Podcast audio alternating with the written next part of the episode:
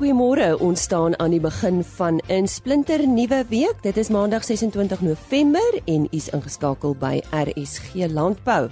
My naam is Lise Roberts. Ons gesels vanoggend met die LWO oor werkgewers en werknemers se regte. En nie het meer gaan uitvind oor die Dexter kudde projek. Die voormalige president van Agri SA, Johannes Moller, is ook vanoggend aan die woord en dan vertel 'n rooibos tee boer, hoe gaan dit met sy boerdery? Ons fokus eerstens vanoggend op die Dexter kudde projek. Nou praat ons met uh, Oggie Barnard van die Dexter Teelers Genootskap. Uit die aard van die saak is hy ook eh, 'n uh, Dexter teeler en ons praat uh, oor die ras genootskap se betrokkeheid by uh, die veeplaas kudde projek. Uh, met, met watter skool werk julle saam, Oggie? Dit is Hendrik Potgieter eh, daar by Reddersburg waar ons mee saamwerk. En hoe lank doen julle dit al? Die projek het afgeskop in 20 Februarie 2017 en uh dis wanneer ons begin het en hulle loop nog mooi ons hierdie jaar weer vir hulle besig gee ons 'n billetjie omgeruil vir 'n vir 'n vers vir hulle. Uh die vraag, hoekom doen julle dit? Wie ons is 'n klein ras en ons het gedink dat as 'n mens ek wil amper sê jy gaan nie 'n ou wat 'n groot bestaande teeler is van 'n ander ras oortuig om jou rasse beeste skielik uh, te gebruik en al sy ander beeste te verkoop het. Toe het ons besluit om by die jeug te werk, dit wil sê daar 'n liefde te kweek vir die ras dat hulle kan besef dat hier is 'n baie goeie bees en wat dit die moontlikheid vir hulle sal inhou as hulle daarmee sal boer. En en hoe voel die leerlinge oor die Dexter ras? Ja, hulle is baie opgewonde. Hulle skou elke jaar saam met ons. Hendrik Potgieter is vreeslik positief want hulle hulle skou self dat ons jeugskou wat land deelneem. En dan skou hulle ook saam met ons hier by Bloemskou. So die terugvoer vir hulle is is baie ongelooflik goed. Hulle hulle geniet die beeste, die beeste is maklik hanteerbaar en en ja, ek dink hulle geniet dit. En dit is 'n tamelike klein ras, nê? Nee? Ons is maar 'n klein ras. Ons het so ongeveer 2000 geregistreerde Dexter beeste hoewel ons reken daar sal seker so 10000 in die totaal in die land wees dit wil sê die ander ongeskree ongeregistreerde dexters natuurlik dan ook. En wat is julle toekomsplanne met die projek? Ons hoop as ons byvoorbeeld uh hierdie projek nou goed laat werk by hulle dat hulle vorentoe hulle eie aanwas het. Uh, hulle het byvoorbeeld hierdie jaar nou al 4 kalfies gehad eh en en vorentoe sal ons nou aangaan met die beeste en dan word die beeste aangeskuif na die volgende skool toe. So ons hoop om so stelselmatig uit te brei na verskillende skole toe met die projek. As hy, dit is dan ook die Barnard van die Dexter Teelersgenootskap wat gesels het oor hulle samewerking uh, met die veeplaaskarre projek. So 'n bietjie later in die program gesels Henny Maas juis met uh, Andri Kutse van Hoërskool Hendrik Potgieter oor uh, hulle ervaring van hierdie kleiner beseras. En nou die gesprek wat Henny Maas gehad het met Johannes Moller. Die van u wat nou gereeld na die program luister sal weet dat uh, Johannes was vir 'n redelike lang uh, stadium was hy die president van Agri SA en toe uh, het hy die tuig neergelê en as ek nou sê die tuig neergelê Johannes jy het eintlik daai deel van jou lewe het jy neergelê, maar jy gaan nou nog al met jou boerdery, né? Ja, natuurlik en ek uh, boer nou weer voltyds daarom. En uh, gelukkig is my seun ook hier in die boerdery. So ons kan nou die affære daarom van albei kante aftakel. Ja, maar dis 'n groot voorreg dat eh, dat 'n mens dit daarom nou weer kan doen. Ek wou vir jou vra vir die wat nou nie weet nie, in watter omgewing boer jy? Ek boer hier naby tussen Keimoes en en Kakamas naby Appington. Dis maar 'n droë wêreld of is dit maar besproeiingswêreld? Uh ja, ons is eintlik vee boere, maar ons ons het besproeiing ook.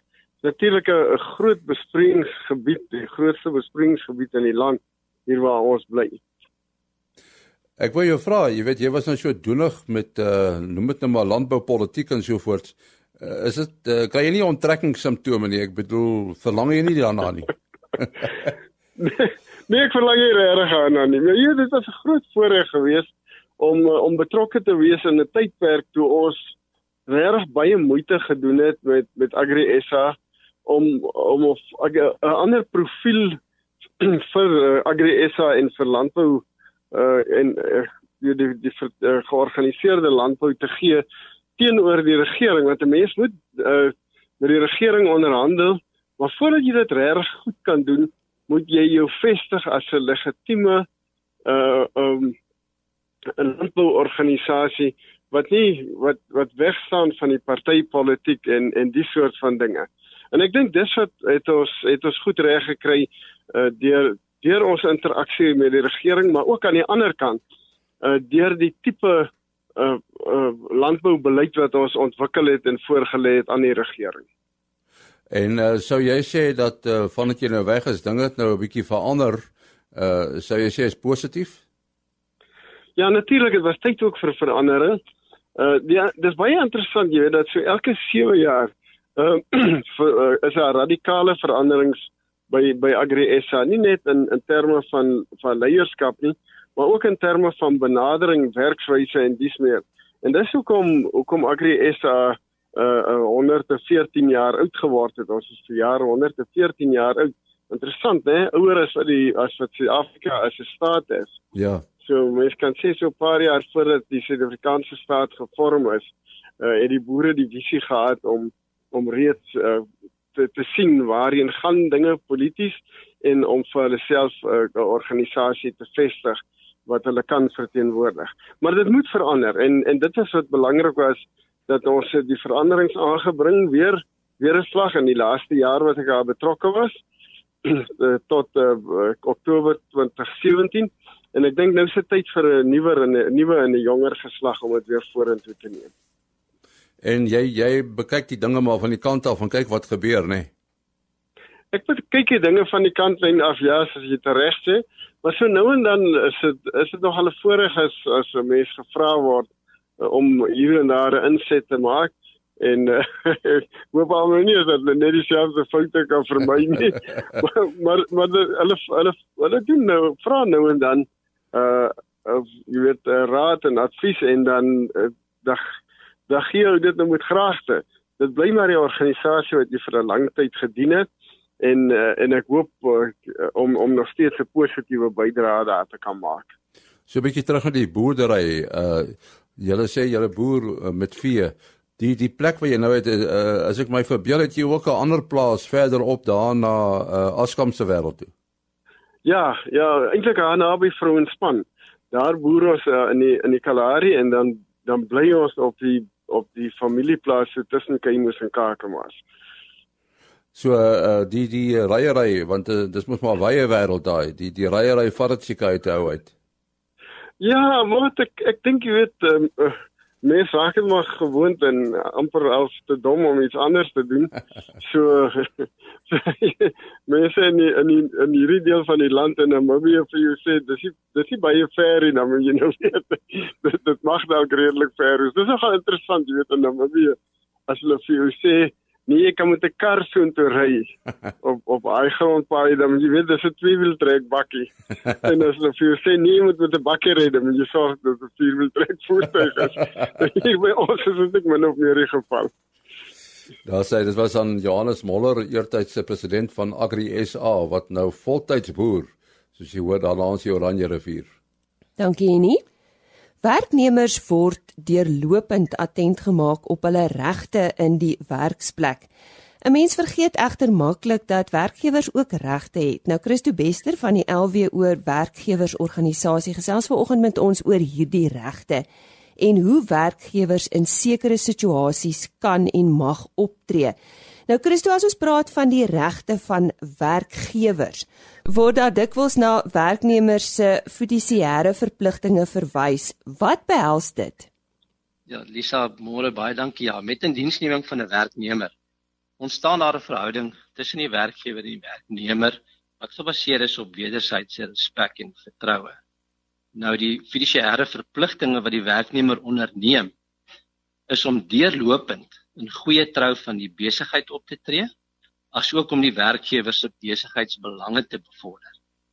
Hy onderneem dan natuurlik ook verder om enige wettige instruksie van die werkgewer uit te voer en ook sy tyd tot beskikking van die werkgewer te stel.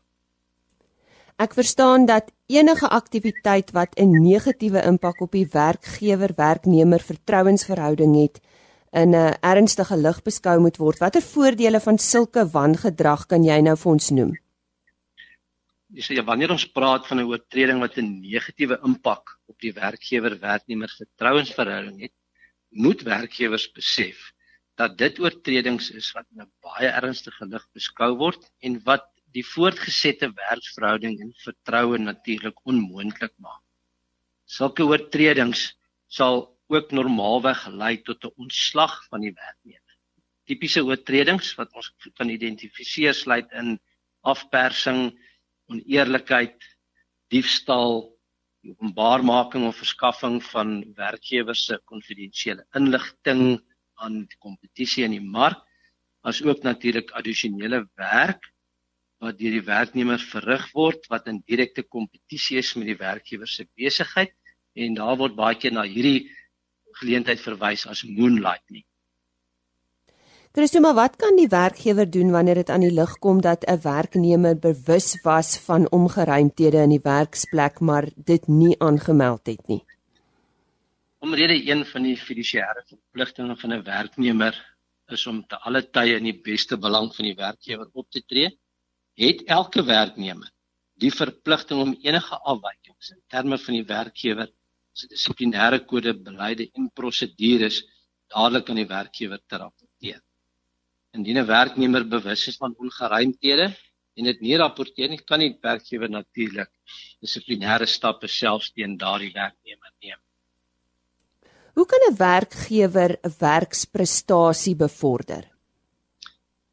'n Werkgewer se reg is om kontrole in die werksplek uit te oefen met betrekking tot die werksprestasie. Die werkgewer moet duidelike standaarde in terme van kwaliteit en kwantiteit daarstel waaraan alle werknemers moet voldoen. Nou natuurlik kan jy net aan sulke kwaliteit en kwantiteit standaarde voldoen indien 'n werknemer in kennis gestel word daarvan. En so met ander woorde, dit is dan die plig van die werkgewer om deurlopend hierdie standaarde aan die werknemers bekend te maak, hulle dan daarvolgens te evalueer sodat enige swak werksprestasie dadelik geïdentifiseer kan word en dan natuurlik die nodige aksies daarteen geneem kan word. Kom ons gesels oor die werksomgewing. Hoekom is duidelike reëls en riglyne in so 'n omgewing noodsaaklik? Duidelike reëls en riglyne beperk natuurlik wrywing en misverstande in die werksplek wat dan sal lei dat daar 'n positiewe werksomgewing bevorder word en natuurlik ook dat produktiwiteit verhoog word. Nou die reëls en riglyne maak dit duidelik vir werknemers wat hulle mag en wat hulle nie mag doen in die werksplek nie en wat gaan moet gebeur tydens werksure. Hoe hoe gaan 'n werkgewer te werk om 'n spesifieke beleid op te stel? Beleide word natuurlik nie voorgeskryf deur die arbeidswetgewing nie maar stel die werkgewer sy eie reëls in die werksplek op. Nou omrede elke werksplek natuurlik uniek is en eie soorte gereëls het, moet dit deur die werkgewer ingestel en opgestel. Nou hierdie reëls moet ongelukkig dan natuurlik ook altyd billik wees en moet jy dan daai reëls wat opgestel word ook aan die werknemers dan bekend maak. Nou hierdie werksplek waarna jy verwys het, hoekom moet 'n werksplek 'n relevante dissiplinêre kode hê? Dis 'n dissiplinêre kode verseker dat daar duidelike reëls met toepaslike sanksies in die werksplek is wat werknemers moet volg. En sodra die werknemers hierdie van hierdie reëls bewus is en hierdie reëls oortree, dan weet hulle wat die sanksie gaan wees en dan weet hulle ook natuurlik dat die werkgewer het die reg om op te tree teen sodanige werknemer. Want die kode en die sanksies stel dit ook vir die werknemers duidelik dat die riglyne is daar van onaanvaarbare gedrag wat nie in die werksplek toegelaat sal word. Nou wanneer daar wangedrag onder werknemers plaasvind, hoe moet 'n werkgewer optree? Eerste stap wat moet volg is daar moet 'n informele ondersoek gedoen word om die ernstigheid van die oortreding te bepaal.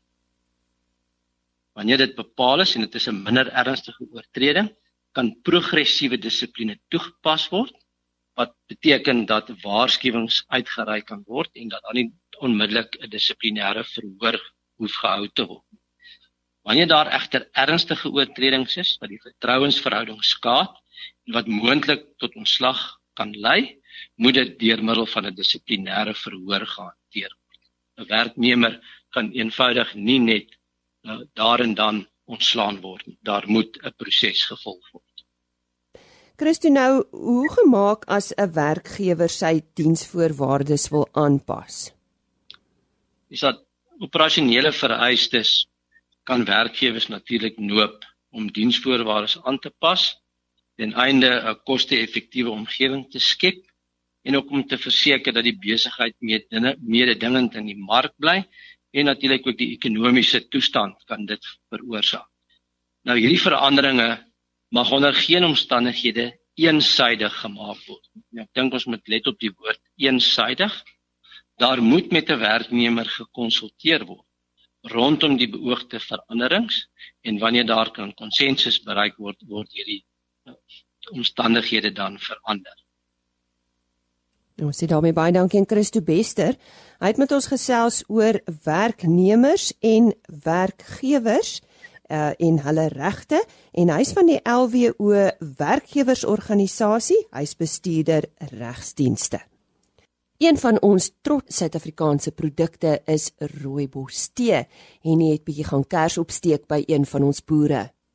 Ons uh, gesels nou met Nicolas Slinger en ons gaan met hom praat oor 'n bedryf wat hy baie bedrywig mee is en dit is 'n uh, rooibos. Nicolas, hoe lank is jy al bedrywig in die rooibos bedryf, rooibos tee bedryf? Ek is uh, van 92 af as ek nou hier op die plaas doen nou met rooibos tee, ja. En en hoe gaan dit met die uh, kweek van rooibos tee? Want eintlik uh, dat dit baie op en af gegaan terwyl van die droogte. Dit is baie uh, dit is uh, baie verloor uh terwyl van die droogte ja. Maar uh nou van dit weer 'n mooi winter gehad het, het dit dit hy bosse wat gelyk het hy gaan dood, het sommer weer mooi gekom uit. Hy's nou weer mooi groen, hy sal weer 'n mooi opbrengs vir ons gee. En uh, is dit 'n moeilike gewas om mee te werk, uh, rooibos? Ja, yeah, dit is nog maar wat moeilik is, is wat jy rooibos tee moet jy net op die hart, want dit is sommer op sy hart is om op sy warms is, dan moet jy tee werk en sny en maak terwyl van die laat uh, laat die sweet op dit nat kom en dan droog gemaak word, is dit moet dit warm wees. En uh Dit is 'n baie deel wat dit baie ongemaklik maak vir die hitte, vir die mense wat sny as in die warmte op die land en en al die dinge so. Dit is 'n uh, harde werk. Ja, dit is interessant dat daardie omgewing Klein Willem en so voorts eintlik die enigste plek is waar rooibos tee voorkom. Hoekom is dit? Ja, ja, kyk dan ons ek is hier op na Douwsberg vind jy om dat jy kry nog die die, die ou veldjie en daar waar jy ook veld te voorkom, daar kan jy weet, dan weet jy jy is op die regte plek met die rooibos. En daar waar jy veld te staan, jy plant hom daar, dan is jy suksesvol met die plant sukses en al die dinge. En so hy kom ja, nou ook baie vir sê maar. So hy kom jy eintlik op ander plekke voor nie. Ja, hy kom jy op ander plekke voor, dit is dit is in 'n Natalsberg wat hy voorkom. En uh dit is dit is nou maar so en dan op uh Goudberg en so daai dele op wat so robust hier wel en dan hier op en die kerkbelt die plante wat ons aan ook nou maar dit lyk nogal goed uh, as dit minder as die reënval of gemiddeld is dan is dit mooi en reënval baie is dan dood en hy spreek maar dan hy sal hy nooit dood reën nie maar hy sal wel van droogte jou dood en so man kan ons Goed jy jy, jy plant nou uh, rooibos uh, wat gebeur met die met die uh, Goed, wat julle wat wat is dit presies wat julle pluk? Is dit die takke of die blare? Kyk, uh wat is uh ons plant ons nou sê nou maar ek het nou geplant. Jare het ek nou skielik nog geplant so 60 hektaar wat ek geplant het. En wat gebeur het vir jaar man ons het ons ons ons ons plantjies kom ons van die kweker af. Nou ek het gekweek vir jaar uh op Eysterfontein die plaas by Willie Mel en wat gebeur het daar by hom daar dat siekte onder die plantjies ingekom. Nou nou ja nou ja nou nou jy 'n bietjie swak uh vat gekry. Maar ek is nogtans tevrede uh met my met my hoe, hoe gevat het en uh hoe gevat het eintlik groei die plantjie wat ons geplant het baie mooi en dit lyk of ons kan 'n goeie top afhaal rondom uh volgende jaar is so by uh April maand kan ons 'n goeie top afhaal om uh, om om ons nou sien hy groei nou baie mooi. Maar wat die afhaal jy laat groei ons nou maar en dan sny jy mos al die eerste jaar. Jy sien dan vat jy hom so nie hoogte en loop jy in hom in so nie hoogte na top jy hom daar. En uh dit is eintlik nou jou tafel dan, nee, dan skep jy net vir jou tafel. Jy sny met die eerste jaar sny jy net nie hoogte en dan loop jy maar omtrent die tweede jaar uh, net so bietjie hoër, net bo kan hy lid. Jy sny die tweede jaar net bo kan hy lid. Al wat bo kan hy lid is of dit nou uh 400 oppers en dan word er 400 500 oppers dit is alright maar jy jy jy bly bokanie lid elke jaar. Daai wat bokanie lid groei dit is nou ja want dit is jou so jy sien al die bokanie bokanie bokanie voor bokanie tafel bokanie tafelblad. Ah hoe jong. Wat wat is die wat is die verskil tussen rooibos en en heuningbos Nee, kyk ek het nie jy het ondervinding van die dinge heuningbos nie. Ek het nie jy van hom ondervinding nie. Ook al gehoor van hom, Maar ek het, hy kom nie by ons voor nie. Ons het ons maar net die rooibos tee. Dit is self plant en dit is swart tee wat nou ons wat nou oorspronklik die lila staan in ons area. Maar uh, ons maak nie enige swart tee nie omdat hy swart is. Ja. Maar hoekom uh, is dit ook 'n rooibos verwante tee of wa, wa, as jy sê swart tee, wat is dit presies? Ek swart tee is die tee wat ek hier kom kry het op die grond. Hy hy groei hier so by ons en hy hy, hy vrek hom maar later van ouderdom dan my hy gooi net nou dan 'n saadjie af. Ek wil ook hê hy moet dood nie. Want uh dit is nou so daar waar hy staan, daar maak ons ons lande maak, werk werk is nog maar so, maar dit kyk maar so uit. Dat die stoke vat waar hy nou nie wat hom nie dood maak nie, maar ons hom nie kom kry op die plaas. As jy wou hom nie dood maak nie, jy wil hê hy moet hier groei en hy moet altyd staan in jou plaas want dit sê vir jou dit sê dan al iets vir ons die rede hoekom en dit kan ons ons kinders kan ons verduidelik hierdie tyd ons hier kom kry en en en die ander ene het nou weer voorgekom. Hier uh bietjie terug in die berge. Daar het hy begin rooibos tee en, en en ons het net met die swart uh kom kry hierso en op so ja maar hy rede bewaar ons om nou maar te beskerm hom vir die nageslag vir die kinders op hulle te sê dit is 'n swart tee dit is 'n rooi tee wat ons nou begin het. Nou nou wat is dit presies uh, wat jy oes? Is dit blare of takke Man dis die takke ja, jy jy jy jy jy, jy, vat die takkie, dis so 'n dun takkie. Hmm. Nou jy moet jy moet hom sny wanneer hy nou 'n goeie uh genoeg blaar het. Want die blaar moet by wees en dan jou dun takkie wat saam met die wat saam met die jy sal verstaan wat saam met die tee gaan. So jou jou jou blaar en jou takkie. Dis hom wat jy tee maak en jou dikker stok is nou weer hy wat met die sif stadium uitval maar jou jou jou fynste stokkie wat saam met die blaar die dan jy kan amper sê die stokkie wat die dikte het van 'n blaar. Dit is die stok die stokkie wat wat gaan na die tee toe en die dik stok val weer uit saam met die sif. So dit is maar die ding hang af hoe hoe vinnig hoe groei. Mooi jare groei was nog baie geil. Hmm. As jy baie geil gegroei het, het jy nou weer baie stok.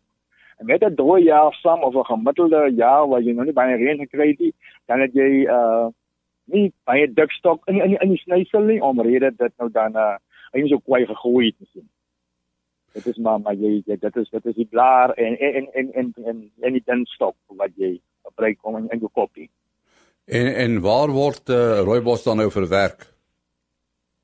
Man, ek het nou al befeit en daai ding ek uh, ek bewerk hom hier by my, ek sny hom, ek maak self, ek maak uh uh jy Pitron se tee maak ek nou al vir af, al afgelope paar jaar en dan maak ek my eie tee en so het my seun nou al bygekom en maak my seun se tee en dan vat ons hom nou so jy weet aan uh, aan Rooibos beperk toe en dis by die fabriek en dan gaan ek so intoe maar ons maak hom self op plaas ek keer hom self en ek gis hom op die plaas en ander dag môre toe ek kom die oggend is die man dan so die oggend 10 uur van my ingebring het baan toe dan begin kerwe ek en so 3 uur se kan dan stop ek met kerf Okay, dan gooi ek hom in 'n in 'n in 'n ry oop. En uh, so 'n lang ry en uh, so 'n meter breed en so 300 of wat hoog. En dan gooi ek hom so 'n lang strook oop en dan sit ek maar hom nat, en so 5% water. En dan trap ek hom in die trekker deur en dan sit ek hom in die sweet. En die ander dag môre so 10 dan gooi ek hom oop. En daai as 'n middag so by en die video se kant dan begin 'n maat as droog. Begin maat as om weer droog en dan die aand dan sê hy weer in die sas. So dit vat jou 2 dae van om te begin van van jy byvoorbeeld 'n dag en 'n half van jy begin kerwe tot jy in die sak het en tog dan in die kop het, dis 'n dag en 'n half, wat kan jy weer die tee drink? En is jy nog uit hierdie fabriek. Nee, maar dit klink baie interessant. Ja. Ja. Dit is dit is eintlik jou lewe net die rooibos tee. Ja, ons sê baie dankie aan Nicolaas Slinger daar van uh van die rooibos tee wêreld Klein Willem wat gesels het oor uh wat hy uh, al die jare nou al doen. Hy's 'n rooibos tee boer. Nou ja, so eie en trots Suid-Afrikaans. Ons uh, gesels met Andri Kutse van die Hoërskool Hendrik Potgieter oor uh, hulle deelname aan die kudde projek met hulle Dexter. Uh Andri, hoe lank is julle al betrokke by die projek? Ehm um, sedert Februarie 2017. En hoe gaan dit? Dit gaan goed. Dit gaan baie goed. Uh moes julle self die ras kies of uh, hoe het dit presies gewerk? Ehm um, ons het 'n lys van rasse gekry. Dit is nou nog ons vorige adjunkhoof meneer Hatting wat betrokke was by die by die projek en hulle het vir hom 'n lys van rasse gegee en hy het die Dexter ras gekies omdat dit 'n kleiner ras is wat ehm um, minder kos nodig het en hy's 'n dubbeldoel ras ook. En hoe groot is die kudde op die oomblik? Daar's op die oomblik 7 koeie. En, En uh, 4 kalvers. o ja, so hulle het al aangeteel. Hulle het al 'n bietjie aangeteel, ja. En uh julle het uh, uh, nou laas jaar begin, het julle al geskou ja. met die diere? Ehm um, ons het al verlede jaar en hierdie jaar by Bloemskou deelgeneem en die kinders doen jeugskou ook met die diere. En hoe voel die die kinders oor die diere self? Hulle is gemaklik met hulle want hulle is maklik om te hanteer. Hulle is 'n um, bietjie kleiner, né? Nee? Uh is is dit al die kinders wat betrokke is of is daar 'n sekere groep wat betrokke is? Dit is meestal ehm um, kyk enige een kan jeugskou doen of of jy nou graad R of graad 12 is, maar die kinders wat spesifiek met die beeste skou is hier by graad 5, 6 rond. En wat is julle toekomsplanne? Gaan julle die kudde vergroot? Ek julle het nou 'n bietjie aangeteel, maar wat is julle kapasiteit? Oh, ek o, oh, jy jy vra moeilike vrae nou hoor. Ehm um, ons ons wil graag die kudde vergroot en op die oomblik het ons net sewe vroulike diere, nê. Nee. So ons wil graag eendag 'n bul kan ons eie bul kry want op die oomblik moet ons die diere rondry na teelers toe wat ons kan help met 'n bul. En julle werk nogal uh, goed saam met die teelers ook, nê? Nee? Ja, ja, nee, ons het 'n goeie verhouding met die teelers. Baie dankie Andri Kotse van die Hoërskool Hendrik Potgieter daar op Reddersburg wat uh, gesels het oor uh, die kudde projek wat hulle saam met Veeplaas doen. Dis dan ook tyd dat ons groet en ja, ons gesels juis môre oggend met Hinterland. Om dan dan by ons aan te sluit net so skuins na 05:30. Totsiens. RSG Landbou is 'n produksie van Plaas Media. Produksieregisseur Henny Maas Aanbieding Lisa Roberts. en inhoudskoördineerder Jolandi Root.